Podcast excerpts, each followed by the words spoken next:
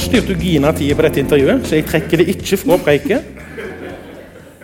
Jeg er sånn klokkeinnstilt på 25 minutter. Vanligvis.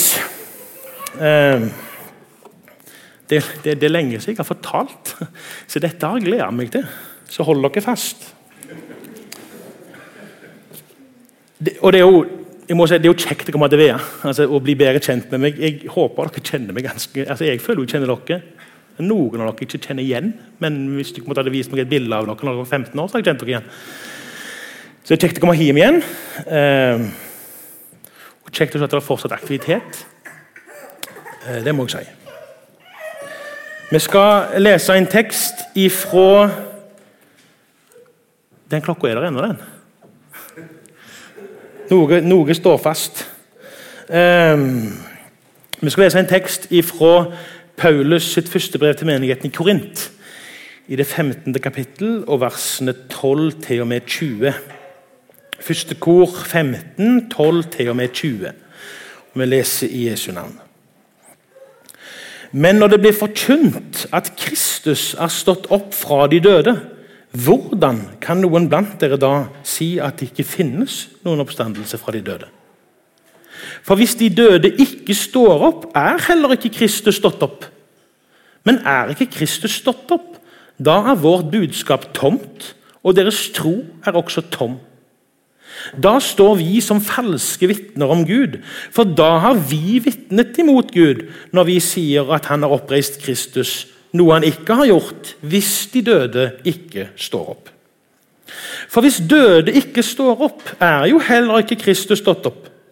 Men hvis Kristus ikke er stått opp, da er deres tro uten mening, og dere er fremdeles i deres synder. Da er også de fortapt som har sovnet inn i Kristus, hvis vårt håp til Kristus gjelder bare for dette livet, er vi de ynkeligste av alle mennesker. Men nå er jo Kristus stått opp fra de døde, som er førstegrøden av dem som er sovnet inn. La oss be. Evige, hellige Gud, hellige oss i sannheten. Ditt ord er sannhet. Vi ber deg i dag om at du må åpne skriftene dine for oss. Eh, og åpne hjertene for deg, sånn som du gjorde med de Emmaus-vandrerne. Vi ber deg, Hellige Ånd, at du må velsigne våre tanker, og våre følelser, våre indre øyne, slik at vi kan se deg, Jesus, og at du kan bli store for oss i dag. Amen. I sitt første brev til menigheten i Korint så bruker Paulus fem avsnitt, fem bolker, til å adressere ulike problemer som hadde oppstått i menigheten i Korint etter at Paulus hadde reist fra Korint. For Paulus var han som hadde grunnlagt menigheten i Korint. Paulus var i Korint i, ja, mellom halvannet år til 20 måneder. Eh, og grunnla menigheten. Han, han, arbeidet der sammen med et par som heter Priscilla Kvina, som ble utvist fra Rom eh, pga. keiser Claudius. Alt dette kan vi lese med Apostels gjerninger 18. Så Paulus han hadde en sånn farsrolle og farsfølelser overfor menigheten i Korint. Og så skjer det jo med alle, sånn som det skjer med alle barn. De blir tenåringer. Og det fikk jo da Paulus også merke rent åndelig sett. Eh, egentlig så er ikke første korinterbrev første korinterbrev. Og, og, og, nå er jeg ikke en liberal teolog, altså. dette er alle enige med meg i. Eh, første Korinterbrev det er egentlig det andre brevet Paulus skrev til menigheten i Korint. Det første brevet som Paulus skrev til menigheten i Korint, det skrev han kort tid etter han hadde reist derifra. Det første året Paulus var i Efesos, så skrev han et brev tilbake til menigheten i Korint. og Det er et sånn kraftig advarselsbrev. Og vi, og vi, kan på en måte sette sammen i fall majoriteten av innholdet i det brevet ifra referanser i første Korinterbrev. For Paulus henviser til et annet brev. Eh, og så har vi noen andre skrifter, eh, første og andre Clemens brev, og litt slikt, som er gode kristne skrifter, men som ikke har krav for å være i Bibelen. Og Der finner vi spor av det Paulus skrev i sitt aller, aller første eh, brev til korinterne. Og så fortsetter det, problemet Paulus tar et besøk til Korint, og så kommer han tilbake igjen til Efesos. og I sitt andre år i Efesos så skriver Paulus sitt da andre brev, men altså for oss første korinterbrev.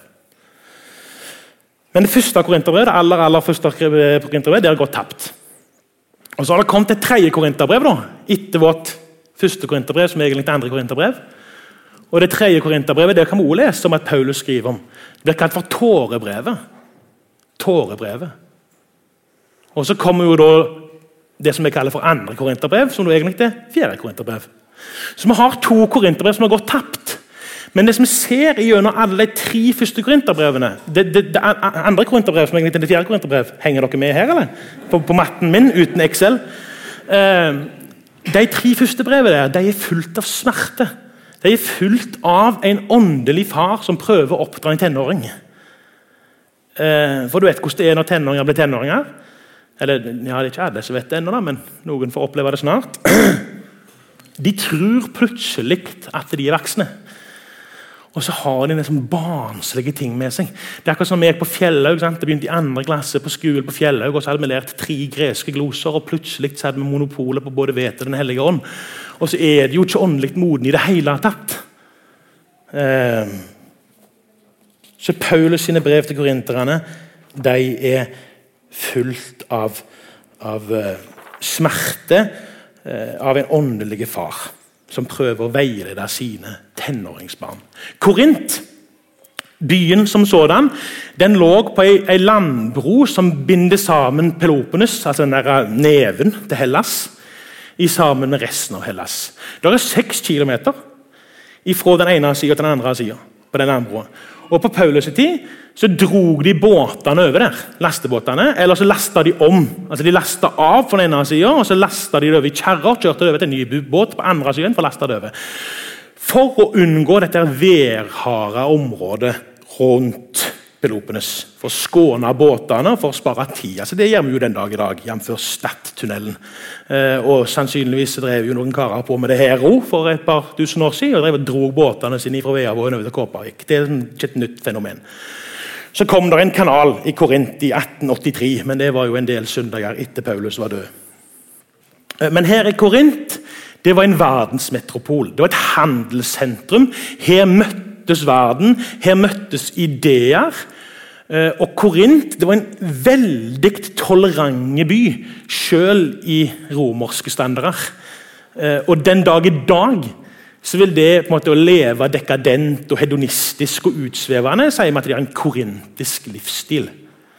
Så gjengen i Korint, den kristne menigheten i Korint, har vel egentlig ganske mye til felles med oss i dag. Altså, samfunnet rundt dem var så utsvevende, så umoralsk, så oppløst rent etisk sett. Og det var en sånn putt-puri lapskaus.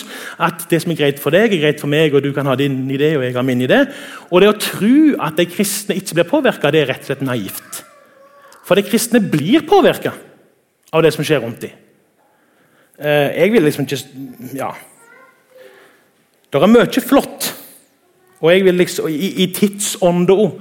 Det er mye, mye, i vår kultur som er fine ting som vi skal ta vare på som er gode. Men det er jo noen negative ting.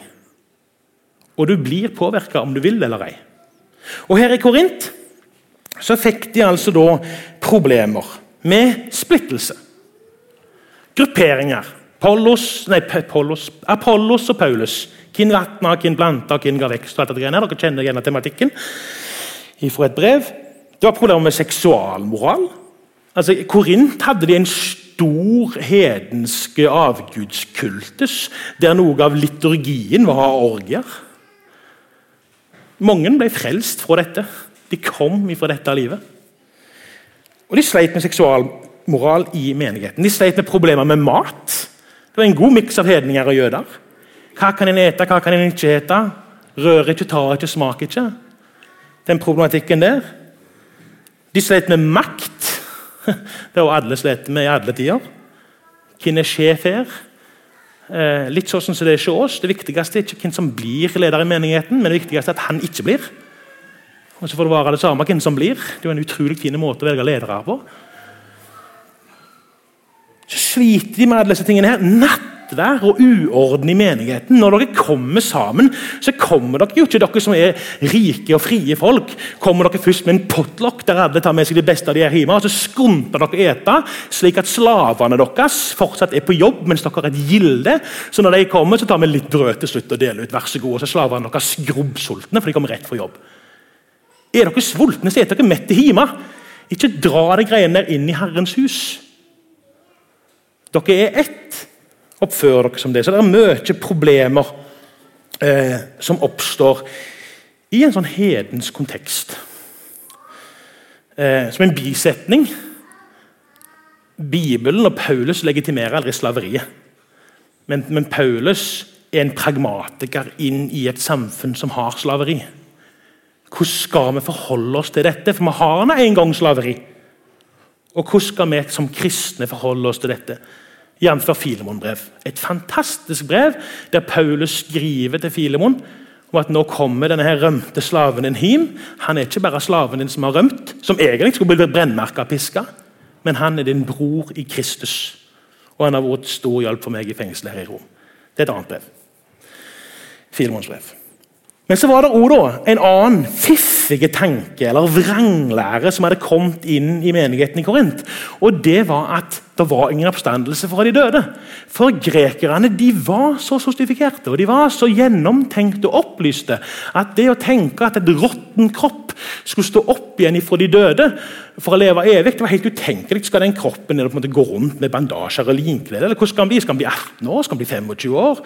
Og så blir det så absurd for en underviste, opplærte greker, at hele denne oppstandelsesgreiene det blir rett og slett for dumt.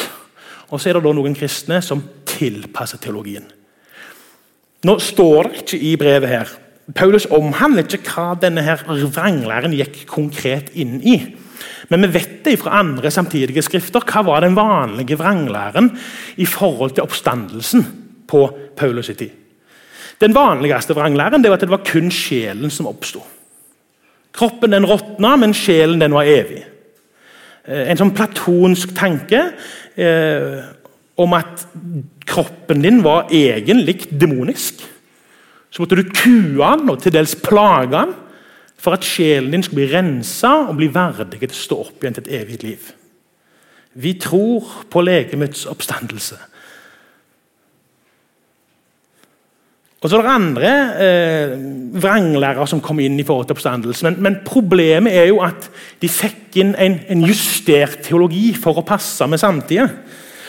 Og så er det jo ikke slik at når du på en måte justerer et dogme, så er det på en måte, det er fortsatt kristendom. Nei, det er jo en indre logikk her. Ting, altså, Alt henger sammen med alt. Altså, Rakner én ting, så rakner resten. Altså, Høres det kjent ut? Jomfrufødsel. Det høres helt idiotisk ut. Skal vi justere det litt? Ja, men Hvis Jesus ikke ble født med jomfru, hva gjør det med arvesynslæren vår? For eksempel. Nå skal jeg ikke ta en teologisk utgreining på det. det er det andre som gjør. Men, men, ting henger litt i sammen. Og så skal jeg ikke nevne de mest hette stridstemaene. Men det er jo andre som dere sikkert tenker på. Det Vi tenker at vi må justere teologien litt. Og vi justerer én ting, så detter ting rundt. Og dette her med det oppstandelse det er jo ikke et adiafora, det er jo ikke et uvesentlig spørsmål. Paulus sier det, det er jo selve kjernen i det budskapet vi kommer med. Men hvis Kristus ikke har stått opp fra de døde, så vil heller ikke du stå opp. Hvis Kristus ikke har stått opp for de døde, så er jeg en vranglærer, og Gud vil straffe meg. Hvis Kristus ikke har stått opp ifra de døde, så var soningsdøden forgjeves. Troen de er tom. Du er et latterlig individ som fortjener hån. Og så danner det ikke bare kjernen i det kristne budskapet, men det danner jo hele rammen. Kristus har oppstått et nytt liv. Derfor skal vi leve et nytt liv, rent etisk sett. Så det er jo ikke en sånn liten filleting. Det har med så mange andre ting å gjøre òg. Alt henger sammen.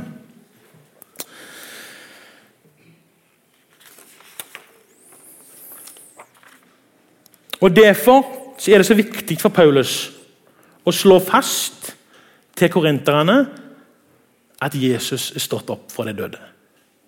Og hvordan gjør han det? Det er en litt sånn fiffige Når du ser på det som kalles for en strukturanalyse av teksten Nå er jeg nerd. Men når du ser på en måte hvordan teksten er bygd opp, så kommer Paulus med to sett med argumenter.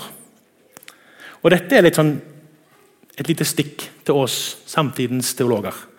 Han kommer inn med et teologisk argumentasjon. Hvorfor Jesus som har stått opp for de døde. i den teksten vi leste. Men så kommer han også faktisk opp med en juridisk begrunnelse i begynnelsen av kapittel 15. Vi skal lese fra vers 1.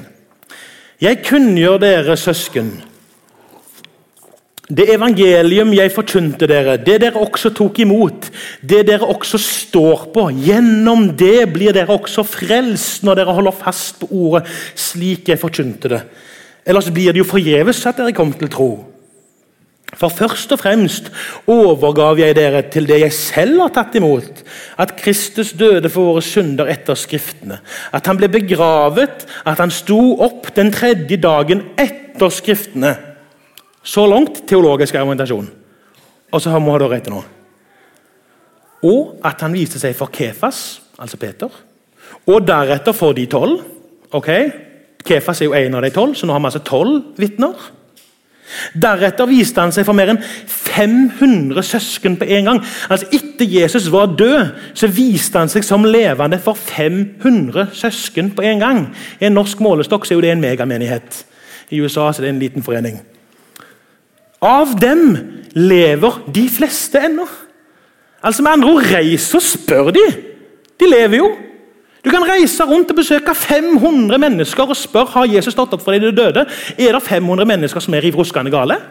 Er det 500 mennesker som har bestemt seg for en konspirasjonsteori at nå skal vi lyge og lure hele verden? Gå og sjekk. Dette er jurist, juridiske argumenter. Og Deretter viste han seg fra Jakob og deretter fra alle apostlene. At Jesus har stått opp igjen fra de døde, er ikke bare et teologisk must i kristentroen vårt, men det er faktisk historisk ganske godt bevitna. Veldig godt bevitna.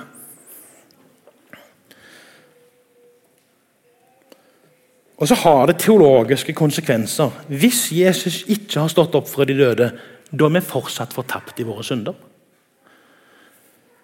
Uten framtid, uten håp hvis vi reduserer det kristne håpet til å bare gjelde dette livet, så er vi de mest patetiske, latterlige og idiotiske menneskene i hele verden. Sier Paulus. Og Det gjelder jo i dag, og det gjelder jo ikke minst meg og den businessen jeg holder på med. Ikke tjener jeg penger, ikke er det spesielt status i det. Er det løgn? Eller dere som finansierer idiotien? Er dere helt eller er det et håp? Er det en framtid? Er det noe mer etter døden?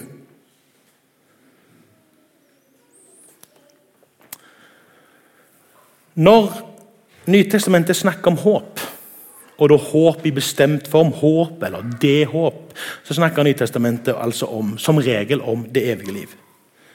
Og Det er jo det som vi bekjenner i den tredje trosartikkel, som jeg nevnte litt ifra. Jeg tror på en, Den hellige ånd, en hellig, allmenn kirke, de hellige samfunn, syndenes forlatelse, legemets oppstandelse og det evige liv. Det er det som er det kristne håpet. Det er det som er forkynnet i Norge, i Nord-Afrika, i Nord-Korea. Det er det man har forkynt i 2000 år. Det har ikke endra seg stort. Det har hatt noen visse kulturelle utslag noen nøytrale, noen dumme, noen gode. Men det er det samme budskapet som er blitt forkynt fra pinsedag og til nå. Nå er Kristus oppstått, skriver Paulus i vers 20. Det er fastslått av mange hundre mennesker, og vitnesbyrdet disse menneskene de er troverdige. Kristus er oppstått som et bevis, eller førstegrøden, som er det ordet som Paulus bruker på at du en dag skal stå opp ifra de døde. Det er han, Kristus har stått opp som et bevis, som historisk bevitna, på at dine synder er tilgitt. Forstår du rekkevidden av det? Forstår du hele kompleksiteten her? At Jesus lever den dag i dag, det er din garanti på at du skal leve evig. Det er ikke noe inshallah om Gud vil. Gud sjøl har kvittert ut gjeldsbrevet når han spikra det på skammens tre, åpenlyst for alle å se, og ikke minst djevelen, at den skylda du er skyldig, den er betalt, den er gjort opp. For I Guds øyne er du perfekt.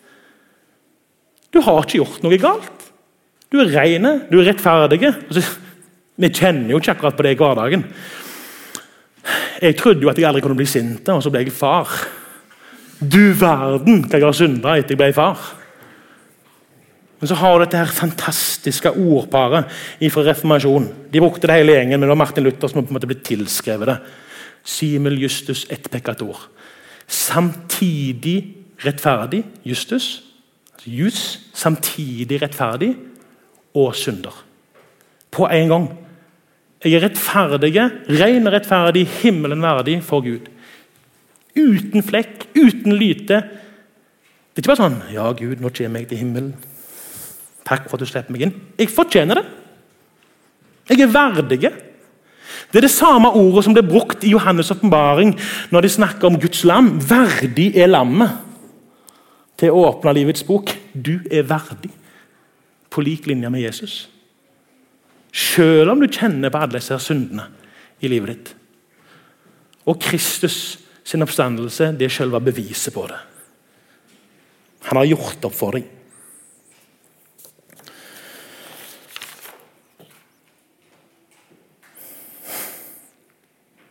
Og nå har jo selvsagt kommet helt ut av manus. Men det er jo dette kristne håpet som kristne mennesker har holdt fast på opp gjennom 2000 år. Som kristne, altså Vi har det jo forholdsvis godt. Nå skal ikke jeg si at det ikke er forfølgelse i Norge, for det er det jo. Det er litt mer sånn subtile og, og, litt mer sånn skjult, men det er jo en viss form for forfølgelse i Norge òg. Eh, men de som virkelig står i det, altså er på en måte djevelen bare opererer helt fritt. Jeg har nevnt noen land allerede. Eh, I det området vi bor i, Nord-Afrika, så kom kristendommen ganske tidlig. Det er ikke noe å dra kjensel på en viss Simon som bar Jesu kors den siste veibeten opp via Dolorosa. Husker du hvor han var ifra? Simon fra Kyrene.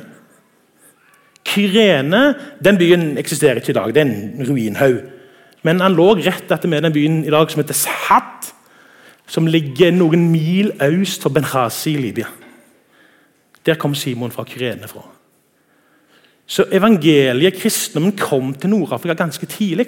Og allerede i år 80 cirka, så kan en ane en slags menighetsstruktur i Kyrene i Libya.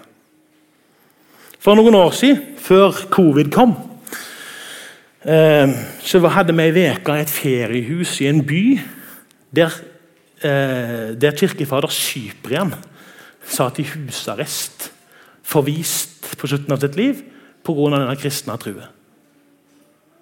Det var sånn rundt år 240 ish. I år 203 Det begynner å bli litt siden. I år 203 så døde de første sju martyrene i Nord-Afrika. Det var martyrer før dem, men ikke i Nord-Afrika. Han som var keiser i år 203, han het keiser Septimus Severus. og Han var opprinnelig fra Nord-Afrika. Og Han begynte egentlig ganske greit, ganske tolerante, men etter hvert så forbøy keiser Severus all konversjon til kristendom. Konverterte du til kristendom, så var det dødsstraff. Og Så befinner vi oss i Nord-Afrika i år 203. Sju kristne martyrer. Av dem var det to damer. Perptua og Felicitas.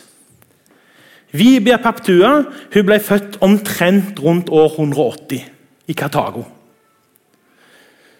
Hun var datter av en romersk adelsmann. Han var hedning, men mora var kristen. Sannsynligvis mer eller mindre i hemmelighet. Og Vebia Paptuia hun var favorittdatteren til faren. Hun hadde to andre brødre. En var kristen, og en holdt på å bli kristen. altså han var katekumen. Og så hadde bror, eh, hadde en bror som døde da han var sju år. ei ulykke. Vebia Paptua hun var øyesteden til far sin, og så ble hun kristen. I sammen, altså. Han hadde allerede mista én sønn da han var sju år. Og så nå var altså de tre gjenværende ungene hans i ferd med å bli kristen. Altså er lik dødsdømt. Og Så prøver han å få overtale Paptua til å skifte tro og kommer tilbake til de romerske gudene. Og så går det så langt at han faktisk allierer seg med en lokal eh, høvedsmann og får kaste ham i husarrest, i fengsel. For han Da kommer hun nok på andre tanker, for hun har akkurat født en sønn for noen måneder siden. Så Da kommer hun nok på andre tanker. Og Så slår dette her helt feil i forhold til det faren hadde tenkt. For Plutselig så begynner på en måte saken å komme høyere opp i systemet. Og så det, begynner det å bli politikk i dette. greiene her. Og når da Satoros, den mannen som var på en måte dåpslæreren til Paptua og Felicitas, i sammen med tre andre menn, bl.a. Revekos, som var mann til Felicitas Felicitas var slavejenta til Paptua. Men Slaveri var litt annerledes enn det vi ser for oss i forhold til USA, men, men, men hun var slavejente til Paptua. Og når Felicitas og Paptua og Revekos og de andre ble satt i husarrest, så tok Saturos og døpte hele gjengen der i husarrest. Det var å signere sin egen dødsdom. Og Det ble overført fra husarrest til ordinært fengsel. Og det ble bestemt at den 7. mars i 203 så skulle de henrettes ved ville dyr på arenaen i Kartago. For keiser Severus skulle feire bursdagen til sønnen sin Geta. Mennene ble kasta ut for eh, Eller én død i fengsel før de fikk dødsdommen pga. hard behandling. Men de tre andre mannfolket pluss en eller annen snodig fyr i publikum som plutselig reiste seg opp og sa 'jeg er kristen', og så gikk han ned sammen med dem. De ble drept av Eh, leopard, bjørn og villsvin. Mens Paptua Fitilicitas, siden de var kvinner, så skulle de bli drept av ville kuer. Da snakker vi ikke om NRF altså på sommerbeite og hvorfor. Ville kuer. Sikkert ble en sulta i noen dager for å gjøre de ekstra sprø og redde. Som du skulle trampe de i hjel. Og så klarer ikke rovdyrene og villdyrene å gjøre jobben. Så de må sende inn soldater for å fullføre dette. her. Og Så fortelles det at den soldaten som da skulle gjøre ende på Partuia, han klarte ikke å styre sverdet. Han var så nervøs han var liksom så sjokkert av det som skjedde, at han klarte ikke å styre sverdet. Sevabia Partuia tok opp sverdet og styrte det sjøl. Og ble en av de første kristne martyrene i dette området i Nord-Afrika. Hun var en adelskvinne. Hun kunne lese og skrive. Og hun skrev historien sin mens hun satt i fengsel. Og så ble han redigert sammen etterpå, sannsynligvis av kirkefader Tertulian, som skrev siste beten. Så Kirkefader Tertulian han satt sannsynligvis oppe i tribunen og så på dette. Og det er fra kirkefader Tertulian vi har sitatet 'Martyrenes blod er kirkens sæd'. Som har sett dette, som har gitt ut boken, og som levde under en sterke forfølgelse er det oppstandelse fra de døde? Trodde Tertulian på oppstandelse fra døde? de døde? Selvsagt gjorde han det. Hvem er villig til å gjennomgå noe sånt hvis det ikke er en oppstandelse fra de døde? Boka finnes i dag. Pertua og Felicitas martyrium. Du kan google den og lese den online. Eller du kan lese en litt nyere romanframstilling som heter The Bronze Ladder. Altså bronsestien historien til Pertua. Skrevet ned for 1800 år siden. Og En sterk historie og på en måte et eksempel om hvordan hundrevis, tusenvis av kristne brødre og søstre opp gjennom de siste 2000 åra har vitna med livet sine like til døden at Kristus er verdens håp. Ikke bare i dette livet, men også i det hinsidige.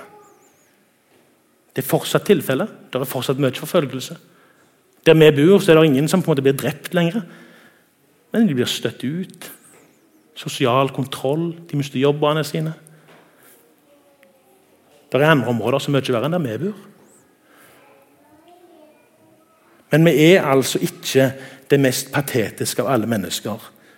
Vi er det lykkeligste av alle mennesker, for Kristus er vår håp. Og vet dere hva navnet Paptuia Felicitas betyr? Det er jo latin. Og Hvis du oversetter til norsk, så betyr det altså 'evig lykke'. Og Det vitnesbyrdet det er inngravert på ei metallplate den dag i dag i arenaen i Katago. Den kan du reise og se når koronaen er over. Amen.